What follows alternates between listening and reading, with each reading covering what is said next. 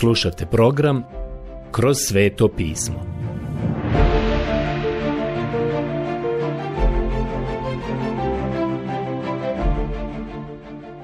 Knjiga Evanđelje po Ivanu, odlomak Evanđelje po Ivanu, poglavlje 6, od 22. do 54. stiha. Zadnji put smo vidjeli da je gospod Isus nahranio 5000 ljudi i da su ga zbog toga htjeli postaviti za kralja. Ne zbog toga ko je on bio, već zbog činjenice da ih je nahranio. Dopadalo im se to što su napunili svoje stomake. Zbog toga je on napustio to mnoštvo ljudi. Otišao je od njih. Mislim da je bilo potrebno čudo da napusti toliko mnoštvo ljudi, ali to je moje mišljenje i nipošto ga neću nametati. Otišao je na goru da se moli i poslao je svoje učenike na drugu obalu Galilejskog mora. Tokom te noći došlo je do velike oluje i ti ljudi su pomislili da će nastradati. Vidjeli su ga onda kako hoda po vodi. Dolazio je k njima. I kada je došao do njih, ušao je u čamac, a Ivan je napisao da je začas bila lađica na obali na koju su išli. To znači da kada je on ušao u čamac, nije se više činilo da su daleko od druge obale na koju su i krenuli. Prijatelji, i danas važi isto. Kada je on u brodu sa nama, tada nam ni uzburkano more ovog svijeta, ni valovi koji se podižu visoko, ne mogu nauditi. Puno je bolje kada je on na brodu. Vidimo sada da ga je gomila počela tražiti. Bili su razočarani što ga nisu pronašli. Čitamo o tome u 22. stihu. Sutradan mnoštvo naroda što je bilo ostalo preko mora opazi da je ondje bila samo još jedna lađica i da Isus nije bio ušao u lađicu sa svojim učenicima, nego da su njegovi učenici bili otišli sami. Evanđelje po Ivanu 6.22 Otkrili su da su gospod Isus i njegovi učenici otišli. U to iz Tiberijade dođoše druge lađe u blizini mjesta gdje je gospodin rekao zahvalnu molitvu i gdje su oni jeli kruh. Evanđelje po Ivanu 6.23 Dakle, oni su očigledno došli iz južnog dijela Galilejskog mora, a on ih je potom nahranio tamo blizu Tiberijade, a zatim su došli čamcem do Kafarnauma. Čini se da je tako bilo, to je ono što imamo ovdje. Ovdje nam je rečeno, i ovo je prvi put da apostol Ivan koristi izraz da se gospod zahvalio za hranu, ovo je također prvi put da ga je nazvao gospodom. Kao što smo vidjeli, uobičajena riječ za njega ovdje je Isus, jer je on riječ koja je postala tijelo. A šta je ta riječ? Prijatelji, ta riječ je Isus. Ona će roditi sina kojemu ćeš nadjenuti ime Isus, jer on će izbaviti svoj narod od njegovih grijeha. Evanđelje po Mateju 1.21 Isusov govor o hljebu života. Pročitat ćemo sada 24. i 25. stih. Kad dakle vidje narod da ondje više nema Isusa ni njegovih učenika, uđeše u lađe i dođoše u Kafarnaum da traže Isusa. Nađoše ga s druge strane mora i upitaše ga. Učitelju, kad si došao ovamo? Evanđelje po Ivanu 624 do 25. Oni su htjeli znati kako je Isus uspio pobjeći, kako je to učinio. Učitelju, kada si došao ovamo? On zapravo ne odgovara direktno na to pitanje. Uspio je prodrijeti ispod površine. Šta je bio njihov motiv da ga traže? Primijetite sada šta im on govori. Isus im odgovori. Zaista, zaista kažem vam, ne tražite me što čudesa vidjeste, nego što jedoste kruha. To je riječ koja ujedno znači i otac. Jeli ste od oca i nasiti ste se. Evanđelje po Ivanu 6.26 Vaš jedini interes bio je da vam stomak bude pun. Isus sada nastavlja u 27. stihu. Skrbite se za jelo što ostaje za vječni život, koje će vam dati sin čovječiji, jer njega potvrdi Bog Otac. Evanđelje po Ivanu 6.27 Evo što im Isus govori, ako to mogu reći našim današnjim jezikom. Ovo nije prevod, već samo moja namjera da bolje dočaram značenje ovih riječi. Prestanite raditi za propadljivu hranu, već radite za hranu koja ostaje za vječni život, koju će vam dati sin čovječi, jer na njega je Bog Otac stavio svoj pečat. Sada ćete se sjetiti da je to isti pristup koji je naš gospod primijenio i kada je sreo ženu Samarijanku pored bunara. U toj situaciji voda je bila ono što je iskoristio za pouku, a ovdje je to hljeb. Voda i hljeb, to su dvije stvari koje su bitne. Voda i hljeb su veoma važni za održavanje života. Isus je i hljeb i voda. I ako primijetite, on koristi te uobičajene stvari. On je riječ. Kako to objašnjavate? Riječ je tijelom postala. Šta možemo znati o Bogu? Gospod Isus je rekao da je On voda i da On daje živu vodu. Ovdje je sada Isus predstavljen kao hljeb. On se spušta k nama i dodiruje nas. Komunicira o onome što mi možemo razumjeti. Znamo šta je voda i znamo šta je hljeb. Sada ćete čuti šta su mu rekli kada je dao ovu izjavu. Tada ga upitaše, što trebamo činiti da izvršimo Božja djela? Evanđelje po Ivanu 6.28 Drugim riječima žele učiniti nešto kako bi bili spašeni. Čovjek je oduvijek osjećao da bi se mogao spasiti kada bi samo mogao raditi na tome. I čovjek se osjeća potpuno sposobnim. Osjeća da je kadar raditi na vlastitom spasenju. Osjeća se sposobnim za to i osjeća da Bog mora prihvatiti njegova djela. Molim vas, zapazite sada šta je Božje djelo. Što treba činiti da izvršimo Božja djela? Isus im odgovori. Ovo je Božje djelo, da vjerujete u onoga koga On posla. Evanđelje po Ivanu 6.29 Evo ovo je Božje djelo. Vidite, Božje djelo nije ono što je Bog naredio, već ono što je Bog napravio. Drugim riječima, to je ono što je Bog učinio, a ne ono što vi činite. To su dijela Božja, a ne ljudska. Ovo je Božje dijelo. Da vi činite šta? Da vjerujete u onoga koga On posla. Drugim riječima, Bog daje hranu. On je taj koji nam je danas to obezbijedio i mi trebamo sudjelovati u tome poziv koji nam je uputio jeste poziv na banket. Sada izađite na sporedne i glavne puteve i recite im da dođu.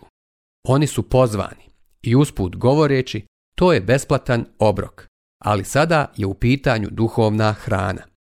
Molim vas obratite sada pažnju na 30. stih. Oni mu odvratiše.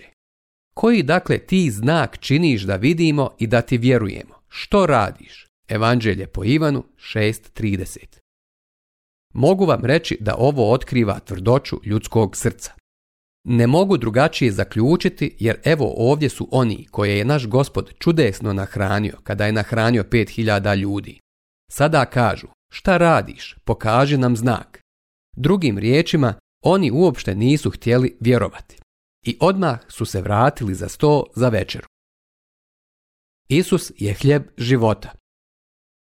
Oci su naši jeli manu u pustinji, kao što je pisano. Dade im jesti kruh s neba. Evanđelje po Ivanu 6.31 To nije bio jednokratni dogovor. Hranio ih je u pustinji svakog dana tokom 40 godina. I evo ih ponovo, fokusirani su na hranu. Mojsije nam je dao manu, ali zapravo Mojsije im nije dao manu. Bog je to učinio. A ono što Isus ovdje govori jeste da su ti ljudi htjeli biti nahranjeni. Vidite da je to ono što traže. Odmah se vraćaju na hranu. Oci su naši jeli manu u pustinji kao što je pisano. Dade im jesti kruh s neba. Isus im reče, obratite pažnju na ovo. Zaista, zaista kažem vam, ne dade vam Mojsije kruha s neba, nego vam moj otac daje istiniti kruh s neba. Evanđelje po Ivanu 6.32. Mana je dala život u onom periodu, ali Bog je taj koji je dao manu. Ali šta je pravi hljeb? Jer je kruh Božji onaj koji silazi s neba i daje život svijetu. Evanđelje po Ivanu 6.33. Mana je dala fizički život u pustinji, ali gospod Isus daje duhovni život. Tada mu rekoše, gospodine, Daj nam svakda taj kruh. Evanđelje po Ivanu 6.34 Oni sada govore baš kao ona žena Samarijanka pored bunara. Daj mi takvu vodu, ali ona misli na vodu u bunaru jer je rekla da ne moram više dolaziti ovamo i izvlačiti vodu. Ona misli na fizičku vodu. Našem gospodu je trebalo dosta vremena da podigne njezino razmišljanje sa nivoa tog bunara do nivoa duhovne vode i treba mu puno vremena da udalji fokus ovih ljudi sa fizičke hrane i navede ih da vide duhovni hljeb koji daje duhovni život. Pročitat ćemo sada 35. stih. Isus im odvrati. Ja sam kruh života. Tko dolazi k meni neće ogladnjeti i tko vjeruje u mene neće nikad ožednjeti. Evanđelje po Ivanu 6.35 On spaja to dvoje. Tko dolazi k meni, neće ogladnjeti. Krist je mana. On je onaj koji je sišao sa neba i dao svoj život za cijeli svijet da mi možemo imati život. To je spasenje. Ali vidjet ćemo da je on također i hljeb kojim se stalno trebamo hraniti, da bismo mogli da rastemo od njega. Uostalom, mana je bila čudesna hrana. Bilo je uzbudljivo jesti je. Ali kada su Izraelci ušli u obećanu zemlju, Dali su im staro žito da jedu. I to je riječ Božja. Vjerujte, mnogi ljudi ne vole staro žito. Molim vas, zapazite sada. Ali vam rekoh, vi me vidjeste, a ipak ne vjerujete. Evanđelje po Ivanu 6.36 Hoćete hljeba? Ja sam hljeb života. Vidjeli ste me, ali ne vjerujete. Sve što meni daje otac, k meni će doći i onoga koji dolazi k meni neću istjerati. Evanđelje po Ivanu 6.37 Prijatelji, došli smo sada do sjajnog stiha. Sada su odbacili pravi hljeb. On im kaže sljedeće. Vidjeli ste me i ne vjerujete. Sada ćemo pročitati 37. stih. Želim da ovo saslušate vrlo pažljivo, jer ovdje postoji jedan dio, teološki momenat, koji danas potiče raspravu oko Božijeg izbora i čovjekove slobodne volje. Ima ljudi koji smatraju da je sve stvar Božjeg izbora. Ima i drugih koji smatraju da je sve stvar čovjekove slobodne volje. Ja ovdje sada ne predlažem pomirenje između to dvoje. Otkrio sam da ja to ne mogu učiniti. Da ste me sreli one godine kada sam upisao teološki fakultet ili kada sam diplomirao, dobili biste jasan odgovor od mene.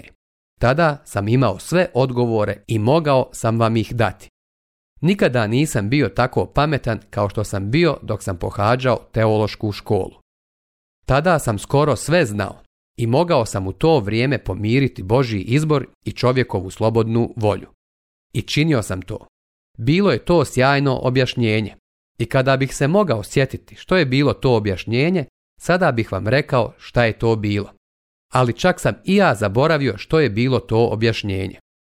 Ako želite znati istinu, sada mislim da je bilo prilično glupo. Boži izbor i čovjekova slobodna volja. Dobro, sada imamo oboje u ovom stihu. Poslušajte sada ovo. Sve što meni daje otac, k meni će doći. To je činjenica, to je istina. Sve što meni daje otac, k meni će doći. To je Božji izbor ali sačekajte malo. I onoga koji dolazi k meni neću istjerati. Evanđelje po Ivanu 6.37 Evo slobodne volje. I onoga koji dolazi k meni. Prijatelji, obje tvrdnje su istina. Ne znam kako da ih pomirim, ali obje su istina. Otac mi daje, ali i vi morate doći k meni. A opet, oni koji dolaze Isusu su očigledno oni koje mu daje Otac ali mislim da što se vas i mene tiče, mi ne vidimo tu nebesku mašineriju i ne znamo kako Bog upravlja tim kompjuterom koji vrši izbor. Zapravo, ja se uopšte ne razumijem u kompjutere. On pritišće neko dugme, siguran sam da to čini, iako ja ne razumijem to. Ali znam da je on tebi i meni dao slobodnu volju i moramo je upotrijebiti. Možda se sjećate da je Spurgeon taj koji je to rekao Zapravo, neko je rekao da je Spurgeon rekao Da ja vjerujem kao ti o Božjem izboru, ja bih propovjedao kao ti. Spurgeon je propovjedao Ko hoće, može doći Bogu. I to je način na koji i ja to pokušavam propovijedati. Neka dođe Bogu svako ko hoće. Spurgeon je dao sljedeći odgovor. Da je gospod stavio žuti znak na leđa izabranih, ja bih išao gore dole ulicom Podizao bih ljudima rubove košulja i kada bih saznao ko ima žuti znak na leđima, dao bih mu evanđelje. Ali kao što znate, Bog to nije uradio na takav način. Rekao mi je da propovjedam evanđelje svakom stvorenju i kogod hoće može mu doći. Dakle, on ovdje kaže sljedeće. Onoga koji dolazi k meni neću istjerati. Prijatelju moj, ti možeš zastupati Božji izbor koliko god želiš, ali možeš mu i doći. I ako mu dođeš, on te neće izbaciti. Neko će možda da kaže, misliš ako nisam izabran? Čak i ako nisi izabran, ali bit ćeš izabran ukoliko mu dođeš. Možete doći i vi, svi. Kako je ovo sjajno. Poslušajte sada šta Isus kaže u stihu 38. Jer siđoh s neba ne da činim svoju volju, nego volju onoga koji me posla. Evanđelje po Ivanu, 6.38 Kako je ovo divno! Volja Božja za vas je da dođete k njemu. To je Božja volja za vas.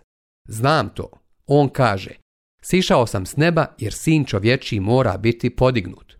Ali vi se morate nanovo roditi. Isus je došao izvršiti očevu volju u tome. A očeva je volja da se nanovo rodite. Prijatelji, morat ćete doći do njega. To je jedini način morat ćete doći gospodu Isusu vjerom. Pročitat ćemo sada 39. stih. A ovo je volja onoga koji me posla, da od svega što mi dade ništa ne izgubim, nego da to uskrisim u posljednji dan. Evanđelje po Ivanu 6.39 Zapravo, ovo pitanje predodređenja se odnosi samo na spašene. To znači samo ono što Isus ovdje i kaže, a to je da kada osoba prihvati Krista, Bog će tu osobu opravdati, a onoga koga opravda, njega će i proslaviti. Kada počne sa sto ovaca, doći će i do kraja sa sto ovaca. I to je sve što znači. To je sve što mogu izvući iz njih. Ali rekao sam vam i da moram stajati po strani i ostaviti prostora da ih Bog dodatno pojasni. Molim vas poslušajte sada šta Isus kaže ovdje u 41. stihu. Tada su mrmljali židovi protiv njega što reče, ja sam kruh koji siđe s neba. Evanđelje po Ivanu 6.41 Vidite, on je govorio da je Bog, da je sišao s neba. Mogu vam reći da on u ovom odjeljku ovdje poučava o svom djevičanskom rođenju. Postoje oni koji kažu da gospod Isus nikada nije naučavao o svom djevičanskom rođenju. Prijatelji, šta mislite da on ovdje govori? Pročitat ćemo sada stih 42. Oni koji su ga slušali su to jako dobro razumjeli. Rekoše, nije li ovo Isus, Josipov sin, kojemu mi znamo oca i majku? Kako dakle on veli, ja siđoh s neba? Evanđelje po Ivanu 6.42 Znate li kako je on to sišao sa neba? Kroz djevičansko rođenje, baš onako kako je anđeo rekao Mariji, da je to sveto dijete začeto od duha svetoga. Ovaj stih je nešto što treba dodati opisu djevičanskog rođenja. Upravo ovaj odjeljak ovdje, počevši od 38. stiha, je dodatak ili dodatni opis Isusovog djevičanskog rođenja. Jer siđoh s neba, to je božićna priča, iz palata od bjelokosti je došao u svijet jada. Sišao je dole napustivši nebesku slavu sišao je sa prijestolja da bi se popeo na križ za tebe i mene. I učinio je to tako što je došao na ovaj svijet djevičanskim rođenjem. To je božićna priča. Prijatelji, bez toga nema božićne priče. Možete imati zvonjavu zvona koliko god želite i ono ho ho ho, ali to nije Božić. Božić je djevičansko rođenje gospoda Isusa Krista. Ne da činim svoju volju, nego volju onoga koji me posla. Evanđelje po Ivanu 6.38 Ljudi su odmah shvatili poruku i rekli su, zar ovo nije Isus, sin Josipov? Ali on nije bio sin Josipov. Oni su rekli da poznaju njegovog oca i majku, ali ih zapravo nisu poznavali. I pitali su se, kako dakle on veli, ja iđoh s neba? Isus im odvrati, ne mrmljajte među sobom. Nitko ne može doći k meni ako ga ne povuče otac koji me posla. I ja ću ga uskrisiti u posljednji dan. Evanđelje po Ivanu 6, 43 do 44. Zapravo, riječ povuče se odnosi na božanski izbor. I ja ću ga uskrisiti u posljednji dan. Tražili ste od mene da to objasnim. Ali prijatelji, ja to uopšte ne mogu objasniti. Ja samo znam da imate slobodnu volju i da je možete upotrijebiti i da vas Bog drži odgovornim za to i vi znate da ste odgovorni i znate da sada možete doći k njemu ili ne doći. Odluka je na vama. Pročitat ćemo sada stih 45. U prorocima stoji pisano. Svi će biti poučeni od Boga. Svaki koji čuje od oca i nauči dolazi k meni. Evanđelje po Ivanu 6.45. U starom zavjetu možete pronaći stih za stihom koji govore o tome. Mogao bih vam dati veliki broj takvih biblijskih stihova. Na primjer, u knjizi proroka Izaije u 54. poglavlju u 13. stihu piše sljedeće. Sva su tvoja djeca gospodnji učenici i veliki je mir tvoje djece. Zatim u 60. poglavlju knjige proroka Izaije Poslušajte šta piše u stihovima 2 i 3. Jer evo, tmina pokriva zemlju i mrak narode, ali nad tobom sja gospodin, nad tobom svijetli njegova slava. Narodi putuju k tvome svjetlu i kraljevi k sjaju koji sja nad tobom. Sve te ranije izjave da će oni doći k njemu, znači da i vi možete doći njemu. Sve su te stvari tako predivno jasne i pretpostavljam da sam ovdje naveo najmanje desetak biblijskih stihova koji govore o tome. Na primjer, u knjizi proroka Malahije u četvrtom poglavlju u trećem stihu piše sljedeće. A vama koji smjerno častite moje ime, ogranut će sunce spasenja, što krije zdravlje pod svojim krilima. Vi ćete tad izići i poskakivati kao telci što su stajali u štali. Svaki čovjek koji sluša oca i uči od njega, doći će k meni. Vidite, to je ono što Isus govori. Ako slušate riječ Božju, tada ćete doći Kristu. Na to se ovdje stavlja veliki naglasak. Ostatak ovog poglavlja je toliko važan da se ne usuđujemo jednostavno prijeći preko njega, ali moram dotaknuti neke značajne stvari. Pogledajmo sada šta piše u 46. stihu.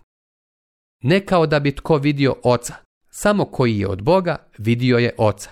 Evanđelje po Ivanu 6.46. A to je gospod Isus.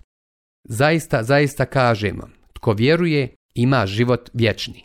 Evanđelje po Ivanu 6.47. Moj prijatelju, ovo ne može biti jasnije od ovoga. Ko vjeruje u mene ima život vječni. Ja sam kruh života. Oci su vaši jeli manu u pustinji i pomriješe. Ovo je kruh koji silazi s neba da tko jede od njega ne umre. Ja sam kruh živi koji siđoh s neba. Ko jede od ovog kruha živjet će do vijeka.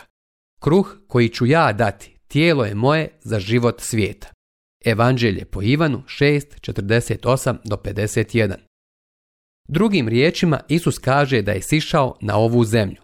Riječ je postala tijelom i on ide na križ da tamo položi taj svoj ljudski život kao žrtvu kojom će da plati za tvoje i moje grijehe. Prijatelji, kada sudjelujete u tome, kada to prihvatite, tada ste spašeni. A neko će možda da kaže, to je tako živopisno i tako snažno. To je ono što su oni rekli tog dana. Tada su se prepirali židovi među sobom i rekoše, kako nam može ovaj dati svoje tijelo za jelo? Evanđelje po Ivanu 6.52. Mislili su bukvalno na njegovo fizičko tijelo. Isus im odvrati. Zaista, zaista kažem vam, ako ne jedete tijela sina čovječjega i ne pijete njegove krvi, nemate života u sebi.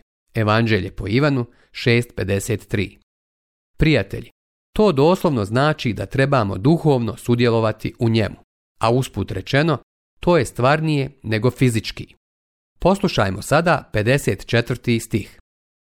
Ko jede moje tijelo i pije moju krv, ima život vječni i ja ću ga uskrisiti u posljednji dan.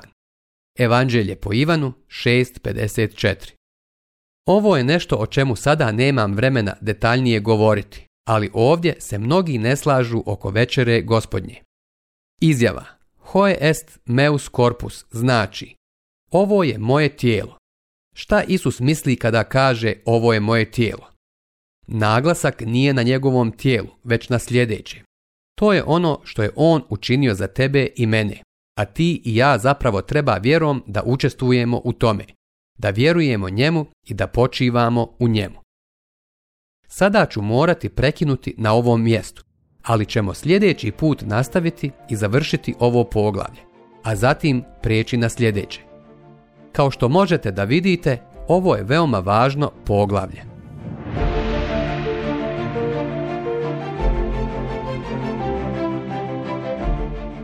Slušali ste emisiju Kroz sveto pismo. Možete nas slušati i na našem YouTube kanalu putem mobilne aplikacije, te na svim glavnim podcast platformama kao što su Google, Apple i Spotify. Ako vam se naši programi dopadaju, preporučite ih i podijelite s drugima. Budite slobodni da ostavite svoj komentar ili nam pišite na našu e-mail adresu kroz sveto at gmail.com Zapratite našu stranicu kroz sveto pismo BiH na Facebooku i na Instagramu. Emisije iz ove serije možete pronaći na našoj stranici ttb.twr.org.